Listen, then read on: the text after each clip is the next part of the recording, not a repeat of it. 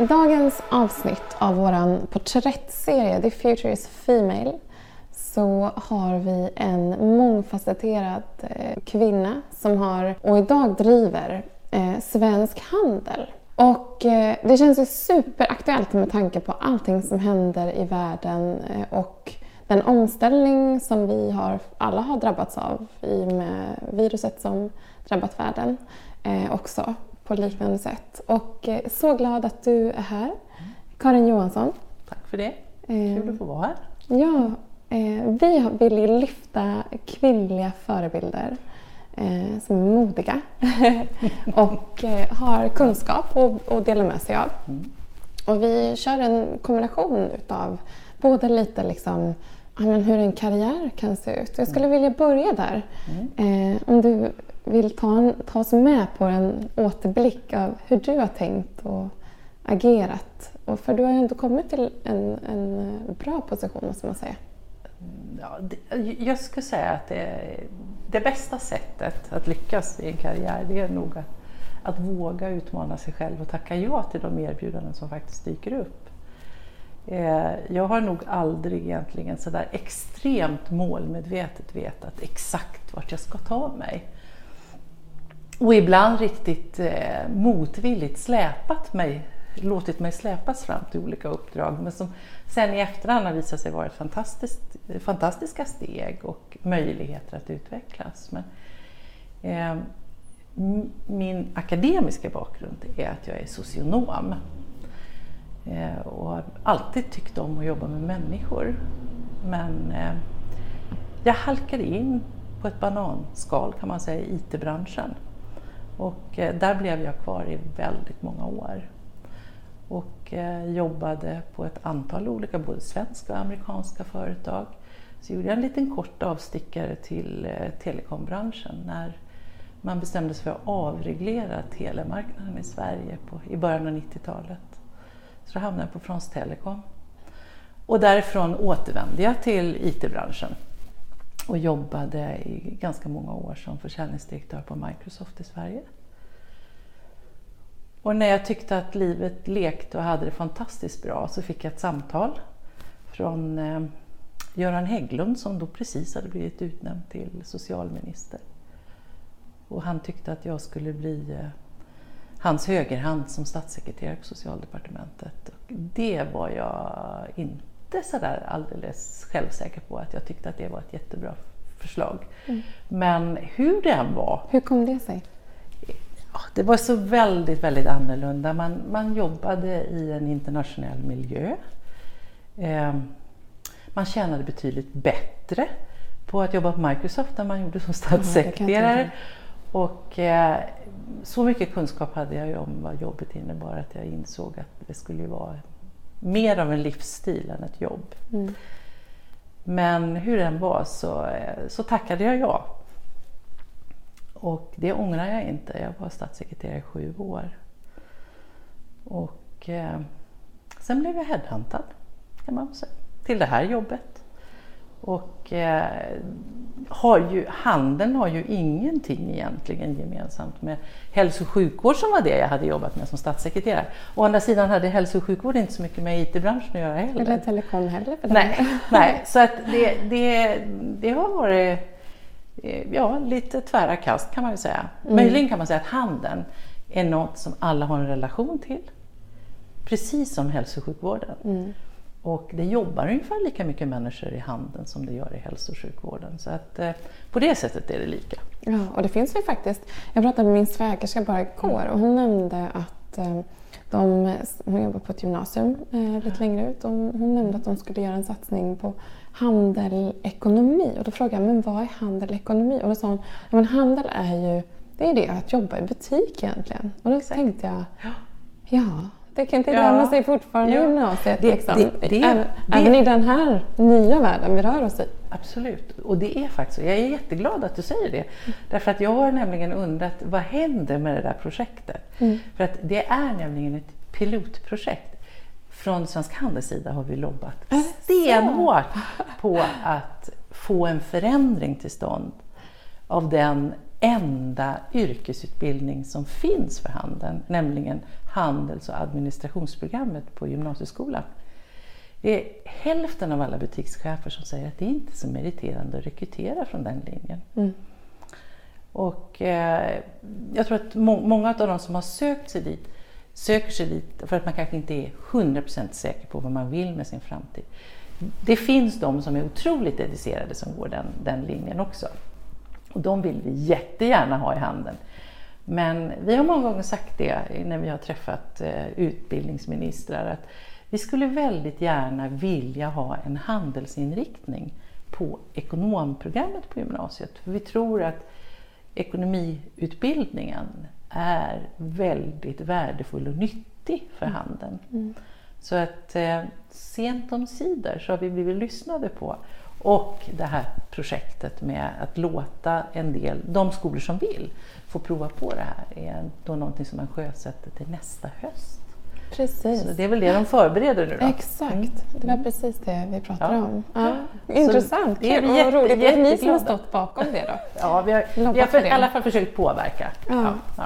Men make sense ändå, måste jag Absolut. säga. Att det kan vara värde, en värdeökning Exakt. på det tidigare Exakt. programmet. Ja, spännande. Men om man då liksom summerar upp de här åren. Du nämnde initialt att våga ta utmaningar. Vilka mm. andra typer av råd skulle du vilja ge vidare? Jag, jag, vet, jag, jag, vet inte. Jag tror att vi är så otroligt olika som individer. Så det, det är svårt att säga att det som, liksom, det som har triggat mig och, och, gjort att jag har lyckats på det sätt jag har gjort, att det skulle funka för någon annan. Men, men om man ska generalisera lite så tror jag att vi som kvinnor eh, ofta eh, är lite försiktigare. Eh, när vi läser en anställnings eller an annons på ett jobb så eh, ska det vara check in the box på varenda krav i den där jobbannonsen. Medan eh, en man säger att ja, men det där fixar jag. Nu, nu generaliserar jag grovt, jag vet det, men jag tror att det finns ett, ett lite större mått av, av eh, försiktighet hos kvinnor. Och ibland kanske man skulle våga, våga, våga lite mer. Lita på att det där fixar sig. Mm. Å andra sidan så ska jag väl säga att när jag sen anställer folk så är det väldigt tryggt att anställa kvinnor därför man vet att de kan göra jobbet. Mm. Så att... Eh, Kombinationen. Ja, det, ja.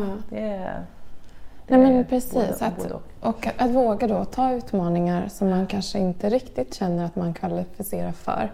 För förmodligen i Ja, jag vet, det är många rekryterare som nämner det. Mm. Vi har en, en rekryteringsbyrå som fokuserar på just kvinnliga kandidater mm.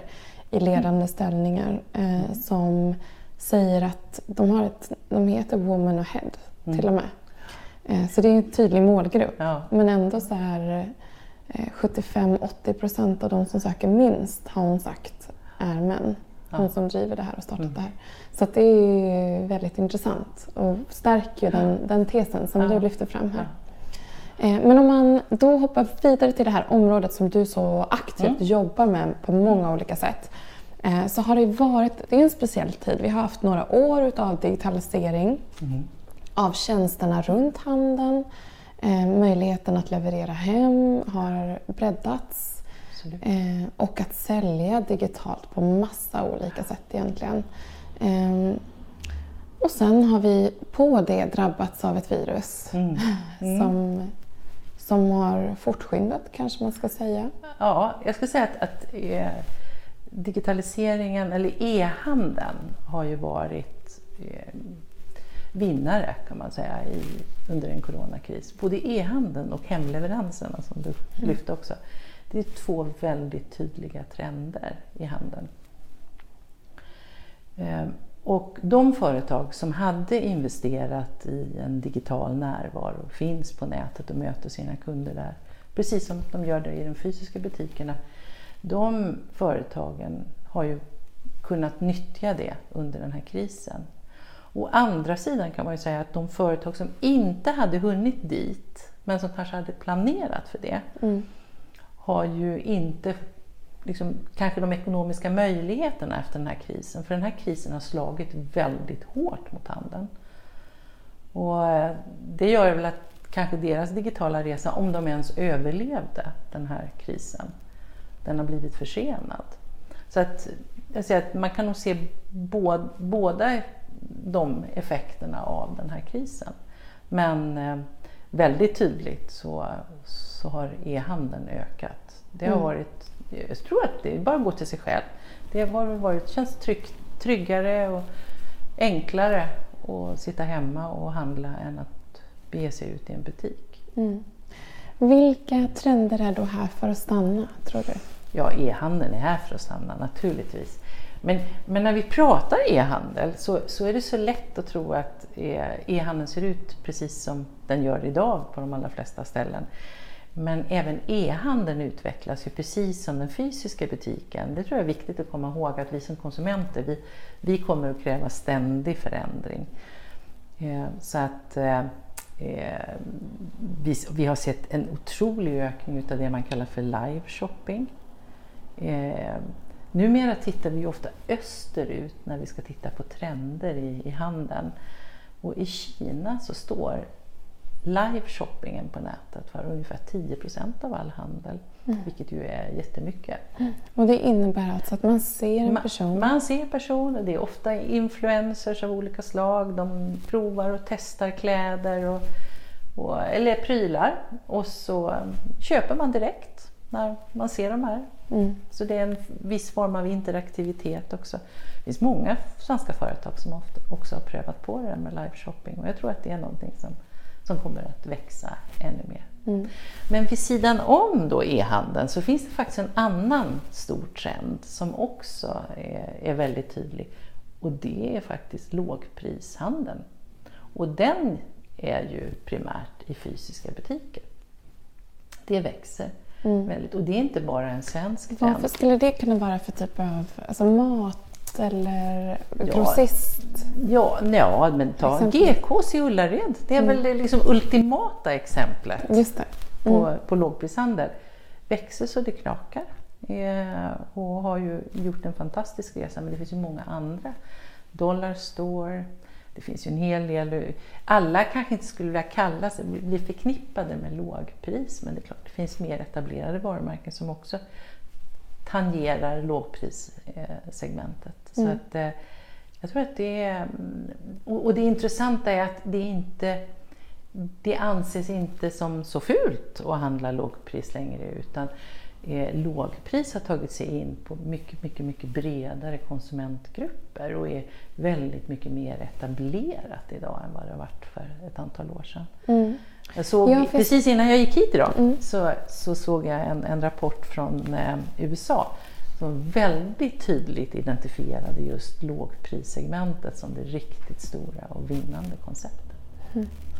Jag tänker också att vi har ju sett en tendens eh, tidigare till att de här stora varumärkena som kräver väldigt, men Ikea exempelvis Exakt. eller eh, köksleverantörer, ja. att de har öppnat upp lite sådana här showrooms, eller kanske lite som vi sitter i här, eh, för att liksom profilera sina produkter på ett lite liksom appellerande, attraktivt sätt. Det är, och det ska jag säga, det är en väldigt tydlig trend.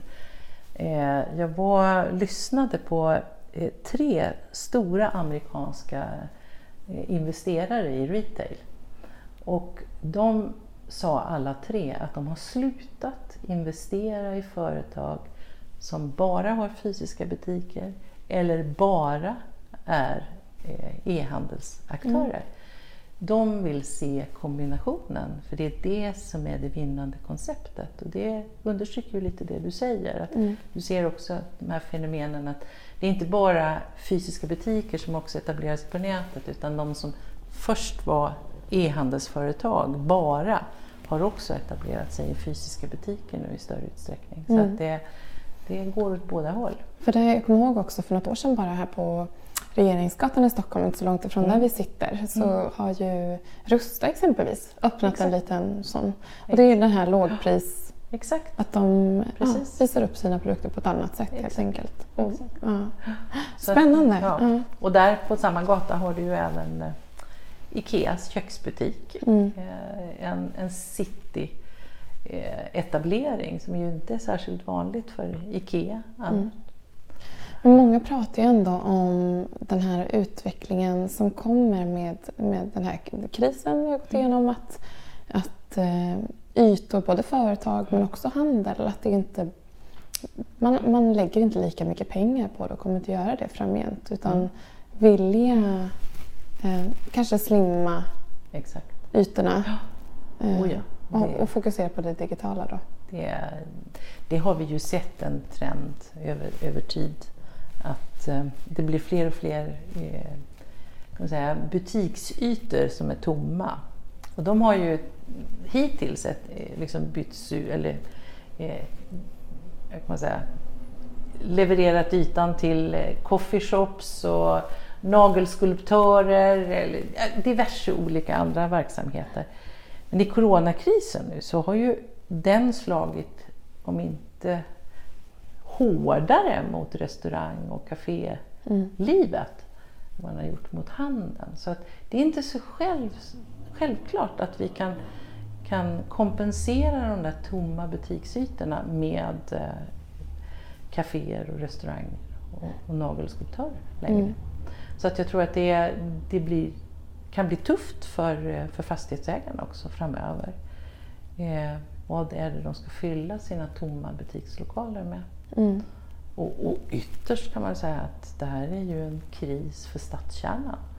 Vad ska kommunpolitikerna ha sin, sin, sin stadskärna till? Men vi ska komma ihåg att som det har varit hittills så är det den hu huvudsakliga dragaren in till stadskärnan, det är handeln. Om man vill ha en attraktiv stadskärna, någon som drar till sig liv, rörelse, för det levererar handeln, men naturligtvis också restaurangliv och, och allt annat. Mm. Eh, så det är ju viktigt som kommunpolitiker när man tänker planering av sin stad. Alltså, vad, vad, vill jag ha i den här stadskärnan?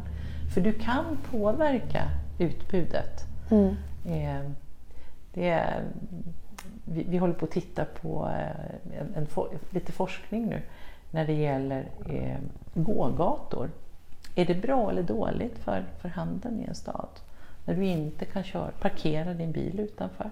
Det finns väldigt lite forskning på sånt. Så att, eh, vi ägnar ju oss en del åt forskning också inom Svensk Handel så att eh, det här är ett av de områden vi vill titta lite närmare på för att se vad kan vi lära av det här för att också hjälpa till i stadsplaneringsfrågor Mm. Eh, för om man då ser på liksom, den digitala handeln, den tar ifrån stadskärnorna som du mm. nämner nu. Den tar ifrån, eh, tänker de här eh, liksom, stora kartongerna, alltså mm. IKEA-klustren så att säga. Eh, Externhandeln brukar vi kalla för. Externhandeln, ja. ja. Och sen eh, så tar eh, ja, men även från liksom, mm. kanske periferin av och, och förflyttas. Men hur mycket växer den med och hur mycket backar de andra med? så att säga? Man kan säga att externhandeln har ju vuxit eh, under hela 2000-talet. Mm. Eh, och eh, Eh, det, det, är ju annan typ av handel som, som tar stryk. Mm. Det, så är det. Mm. Eh, och eh, det kommer säkert inte att minska i det här läget. Men e-handeln, hur, hur mycket växer den med då ungefär?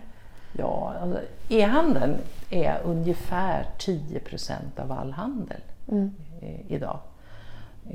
Och vi säger att när vi skriver 2030 så har förmodligen e-handeln tagit varannan krona som vi spenderar i det vi kallar för sällanköpshandeln, alltså mm. allt annat än mat och läkemedel. Eh, det kommer vi att lägga, lägga på nätet, ungefär halva, halva plånboken där som vi annars spenderar i sällanköp lägger vi på nätet. Så det är klart att den utvecklingen kommer förmodligen att ha forcerats något av coronakrisen. Men eh, så det, det, är klart att det kommer utarma. Mm. Och vi ser ju också de butiker som har drabbats hårdast under den här krisen. Det är ju många små sko och klädbutiker. Där har det varit jättetufft. Det, det är väl ett uttryck också för att vi är hemma väldigt mycket mer, för vi ser ju att klä, eller möbler, heminredning, byggvaror, eh, hemelektronik, eh, trädgård, det har gått, som, gått ganska bra mm. trots allt. Vi bryr väl oss om det vi har närmast omkring oss. Och plötsligt och, behöver vi laga mat för ja, hela familjen. Exakt. När alla jobbar så, hemifrån. Och det är klart att, att äh, matvarorna har ju gått jätte, jättebra. Mm. Det är livsmedelshandlarna. Jag pratade med en ensamstående mamma som sa hon bara, det är så dyrt. Ja, ja, ja, det är, och, och ändå eh, ska man nog komma ihåg att att om man tittar på prisutvecklingen i handeln sen, om vi tar sen millennieskiftet, så, eh, så har priserna i praktiken sjunkit i det vi kallar för sällanköpshandeln medan dagligvarorna ungefär har klarat av att öka priserna i takt med konsumentprisindexhöjning. Mm. Så att det har inte varit några stora prishöjningar i handeln de senaste två decennierna. Mm. Mm. Och då är det den här sällan köps det på grund av att man har importerat och konkurrensutsatt? Ja, det är ju e-handeln. Exakt. Därför att mm. plötsligt så sätter Just ju inte priset i Sverige längre utan priset sätts ju på en global marknad. Eftersom jag har så lätt att kunna söka eh, prisuppgifter från andra länder och det är så enkelt att klicka hem en produkt oavsett om den kommer från USA, Kina eller Tyskland eller Danmark. Alltså det, det gör ju inget. Mm. Jag får ju den hem till dörren ändå. Mm, just det. Mm. Eh, men om man då kollar på Sverige som mm. marknad. Vi är oerhört beroende av våra omkringliggande länder. Mm. Eh, vad exporterar Sverige i stor utsträckning? Handel och... Ja, alltså det intressanta är ju att vi exporterar ungefär det, samma saker som vi importerar. Mm. Vi är ju nettoimportörer när det gäller handel i Sverige. Så vi tar ju in mer än vad vi skickar ut. Men det stora är faktiskt elektronik. Det vi säljer det är elektronik och på andra plats kommer textil. Och eh, när det gäller import så är det de två som toppar listan där också, både textil och, och elektronik. Så det är väldigt eh, mm. Ja, vi har ju några tunga varumärken, svenska mm. varumärken naturligtvis, mm. som, som gör Både att, inom att vi, mode och ja. ja. så att det är, säkerhet. Och, ja. och det, det, var, det har vi också hört ifrån eh, en hel del utav våra e-handelsföretag att eh, under nedstängningen i Tyskland eh, så har de varit väldigt lyckosamma de svenska företagen. De har, sålt, de har ökat sin försäljning på den tyska marknaden framför allt. Mm, Så att eh, det, de, var, de låg kanske långt framme då mm. i, på e-handel och eh, även där så har ju möbler, heminredning och sånt också gått bra. Och det är ju områden som svenskar, vi är ju duktiga på design i Sverige. Mm. Mm. Och jag tänker också att, för Tyskland är ju en stor marknad för oss vanligtvis också. Exakt. Så det blir ett naturligt, naturligt mm. tillväxtsteg. Ja. Men om man då ser på i det här liksom otroligt fragmenterande, eller fragmenterad marknad. Eh, hur, om man ser på de svenska retailbolagen och de noterade och kanske liksom, kan man fortsätta att växa i den här... För det, det blir så konkurrensutsatt från alla håll och kanter, mm. tänker jag. Mm. Jo, men det, det, vi kan väl konstatera att eh, de stora svenska företagen kan fortsätta växa. Ja, mm. det kan de. Eh, men de blir färre och de blir större, de svenska företagen som har kraften och styrkan att växa på det här sättet. Och det har vi sett en tydlig trend under ganska många år. Eh, att företagen blir färre på handelsområdet. Mycket fusioner och uppköp och, och, och sen att de små inte riktigt mäktar med längre. Eh, och, och, det är klart att, att eh, sätts priset globalt mm. och kostnadsmassan är väldigt lokal. Eh, vi har bland de högsta arbetskraftskostnaderna för handeln i, i, i Sverige om du jämför med andra OECD-länder. vi har också i internationella jämförelser ganska höga hyror här. Och det är ju de två riktigt stora kostnadsposterna. Mm. Eh, så att det bygger, ska ett litet företag klara av att konkurrera då på, en, på en global marknad så eh, vill det ju till att du säljer volymer. Mm. Och det har, eh, det har, det har varit tufft för, för många. Alltså, många har ju kastat in handduken. Mm. Och, och, visst har vi sett en liten, liten ökning i konkurser i handeln under den här coronakrisen. Men, eh, och framförallt att det är lite större företag som har gått i konkurs. Men i numerär är det inte gigantiskt mycket fler än vad det för, som exempelvis förra året. Så det har varit en, en omstöpning av handeln under ganska lång tid nu. Mm. Ja, intressant. Mm. En annan trend som löper parallellt och konkurrensutsätter det är ju hållbarhet Mm. och kraven eh, både från konsumenter men också Mm. liksom uppifrån. Eh, vad ser ni där för tydliga trender? Men det, det är ju som du säger, vi, vi, vi publicerar vi kallar för vår hållbarhetsrapport en gång om året och har gjort det i väldigt, väldigt många år nu faktiskt. Och det intressanta är ju att alltså konsumentens medvetenhet och attityder till hållbarhet har ju vuxit under alla dessa år. Men även företagens eh, reaktion på det här har ju varit att eh, från att det har varit en del utav ett CSR-uppdrag nästan, till att faktiskt bli frågan om, om jag ska vara lönsam långsiktigt. Mm.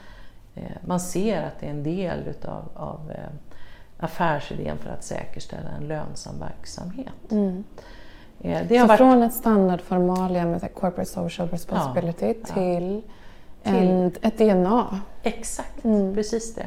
Och medvetenheten sträcker ju sig liksom från allt från hur produkten produceras, till den förpackas, den inte innehåller farliga kemikalier, att den kan återvinnas. Alltså hela kedjan blir ju alltså väldigt, väldigt viktig. Och eh, där har ju också politiken ställt mycket krav på ökad transparens och spårbarhet i, de här, i, i produkter så att, för att underlätta för möjligheten att också kunna eh, säkerställa att de produkter du, du köper faktiskt är producerade på det sätt som man säger att det ska Mm. vara.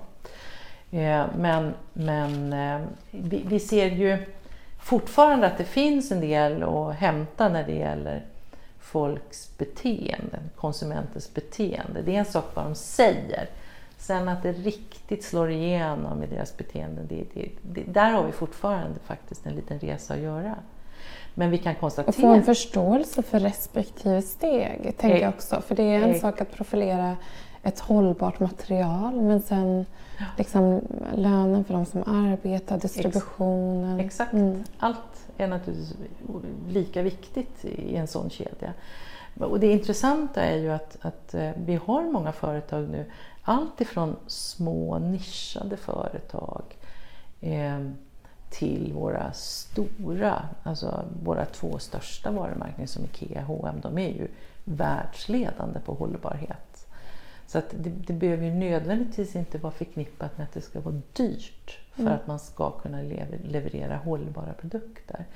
Så det, det tycker jag är otroligt intressant att se att det går verkligen att, att liksom ha en hållbar affärsidé och vara lönsam. Mm. Sen tycker jag att, att det är lite tråkigt med eh, en del klåfingrighet från politiken.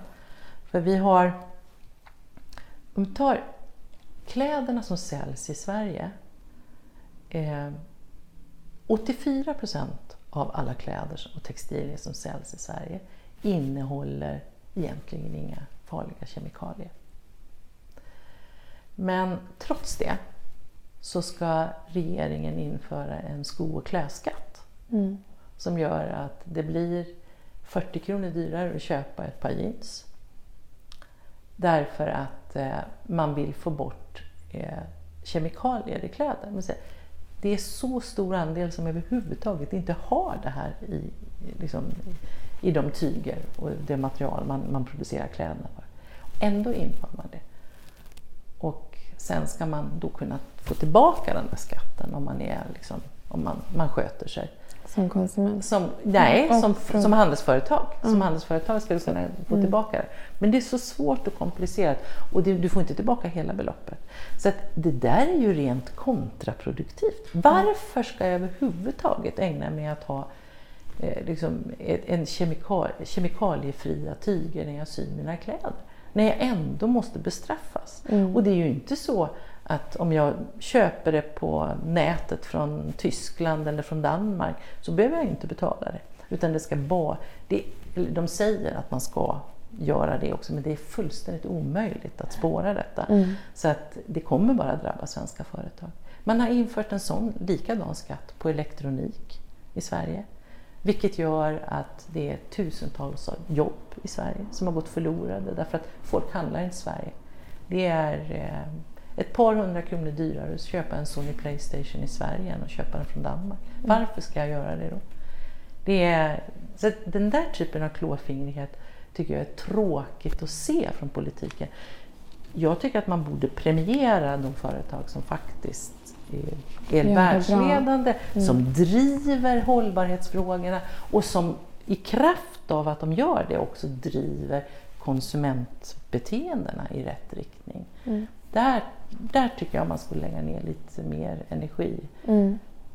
Eh, Eh, om vi då ser, liksom backar tillbaka lite till krisen som har varit. Så vi har varit inne lite på det tidigare, det här med liksom fastighetsbolagen. Hur, s- hur kommer de att drabbas? Alltså såklart då eh, kommersiella ytor. Ja, det, det, normalt sett så är det ju så att eh, konjunktur, eh, hyrorna följer ju konjunkturläget. Och vi har haft högkonjunktur under en väldigt lång period. Och eh, eh, nu har vi inte det längre. Eh, och vi har kanske inte hittills sett några tendenser till sänkta hyror. Men jag tror att, att det kommer man nog att vara tvungen att leverera. Vi, de indikationer vi har eh, säger ju också att vi ligger högt i hyrorna i Sverige jämfört med andra länder. Och, eh, eh, det, det kommer nog att bli lite tufft för ett annat fastighetsbolag också. Det, det, det tror jag. För jag tror inte det är så alldeles enkelt att ställa om från kommersiella lokaler till annan typ av Och då är lokaler. det både i centrum men också i de här eh, externa... Ja. Det är väl primärt i, i, i citykärnorna det här händer. Eh, det är i alla fall där vi har sett störst, störst konsekvenser. Mm. Ehm, har vi eh, svenska traditionellt krisbeteende från er bransch sett Eh, från den här våren? N- Nej, alltså mm, när väl eh, den här första chocken la sig kan man väl säga. Ja, först så bunkrade vi ju livsmedel och toapapper, vilket är helt oförståeligt med tanke på att vi producerade det själva i Sverige. Eh, men, eh, eh, och det såg vi ju en våldsam uppsving för livsmedelshandeln då, framförallt kortsiktigt. Eh, men eh, Eh, annars så tycker man ju att mm, kanske att hushållen borde ha hållit i pengarna mer kanske. Men, men vi har inte sett riktigt det utan det man har spenderat det har man ju då spenderat väldigt tydligt med kring bygg och heminredning. Och, Och som kostar lite mer också så Exakt, ja. Exakt. Eh, Men jag tror ju att, att möjligen är det så att vi har, eh, vi har hållit uppe eh, den konsumtion som ändå har varit nu då. En del tack vare de här korttidspermitteringarna vilket gör att folk har inte gått ut i arbetslöshet. Men frågan är ju vad som händer.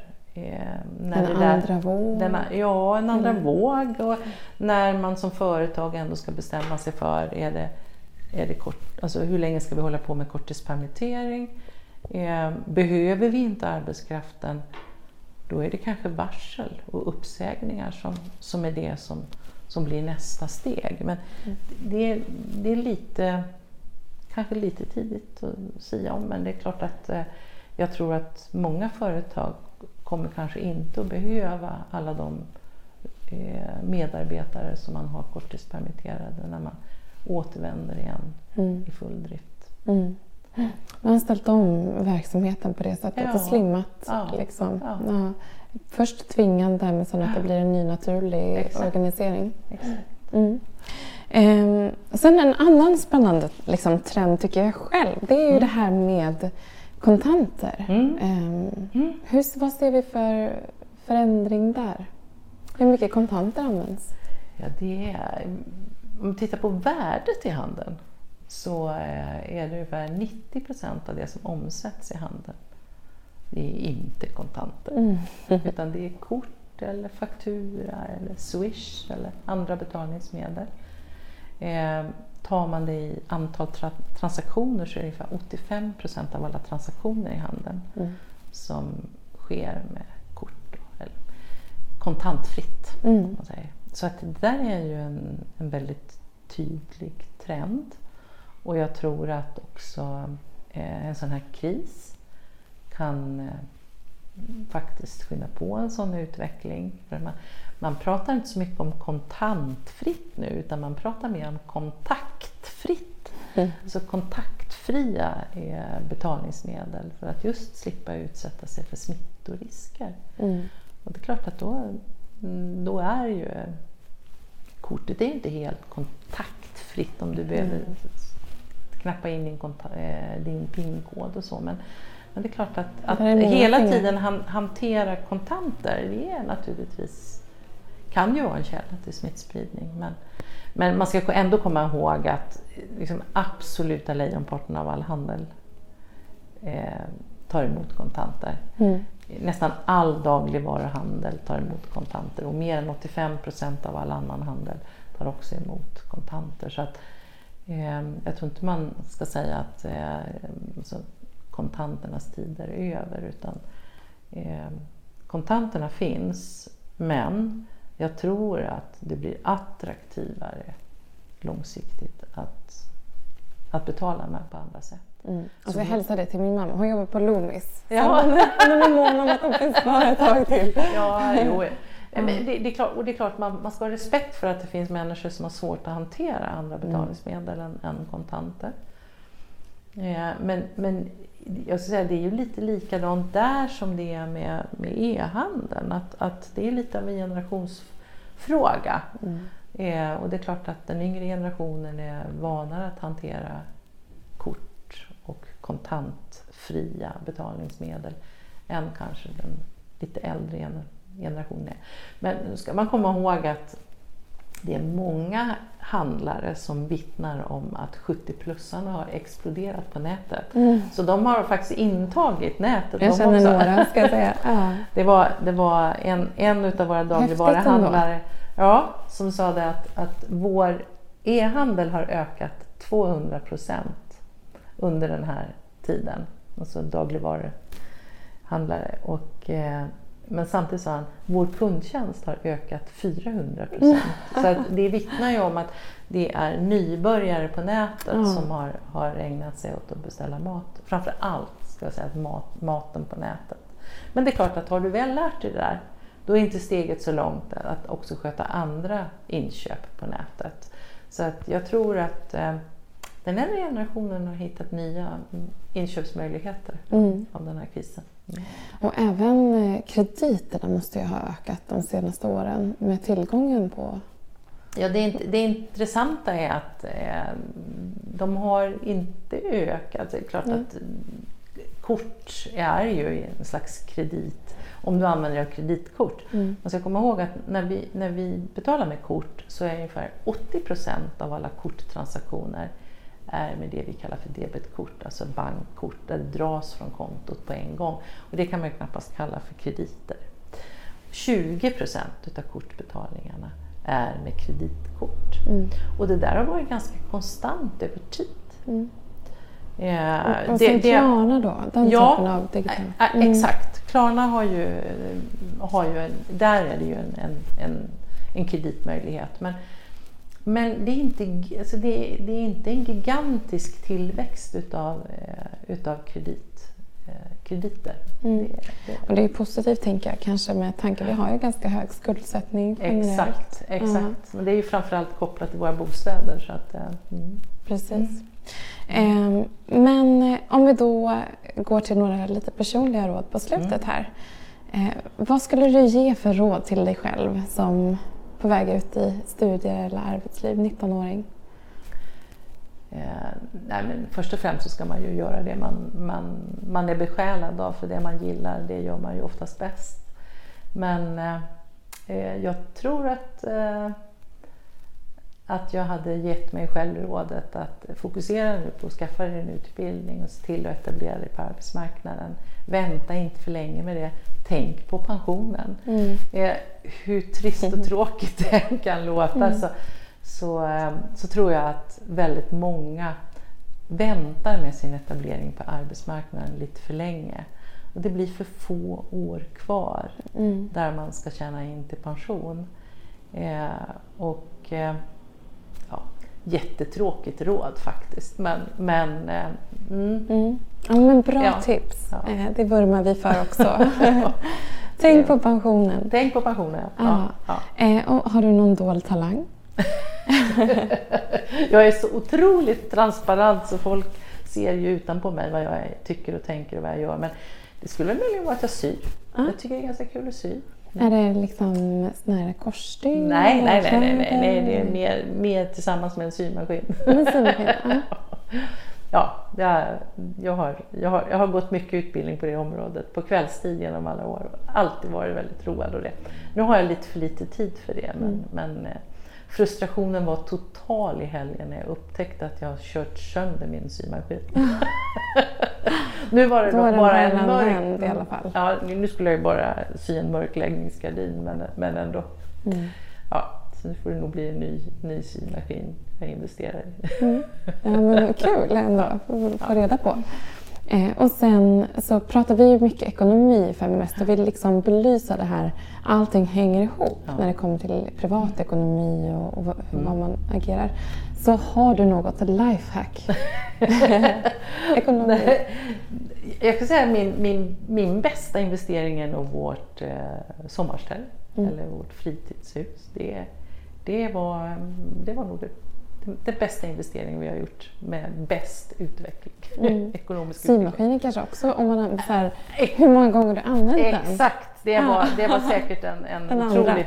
Och det intressanta är att den symaskinen som har decennier på, på nacken var lika dyr då som den är att köpa en ny idag. Ja, intressant. att, eh, mm.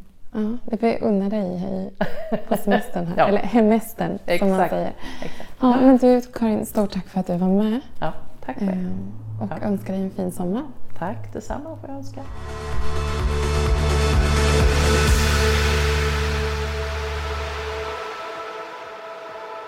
Feminvest är Sveriges största investeringsnätverk för tjejer. Vi vill att allt fler ska våga äga och förvalta. Och hur gör vi då detta? Jo, vi vill inspirera, utbilda och utmana runt ägande, investeringar och entreprenörskap. Följ Feminvest på våra kanaler Facebook, Instagram, Youtube. Varje vecka så kommer vi även ut med en podd och du kan ju självklart även följa nyheterna som publiceras på feminvest.nu. Det är bara att söka på Feminvest på samtliga kanaler så hittar du till oss.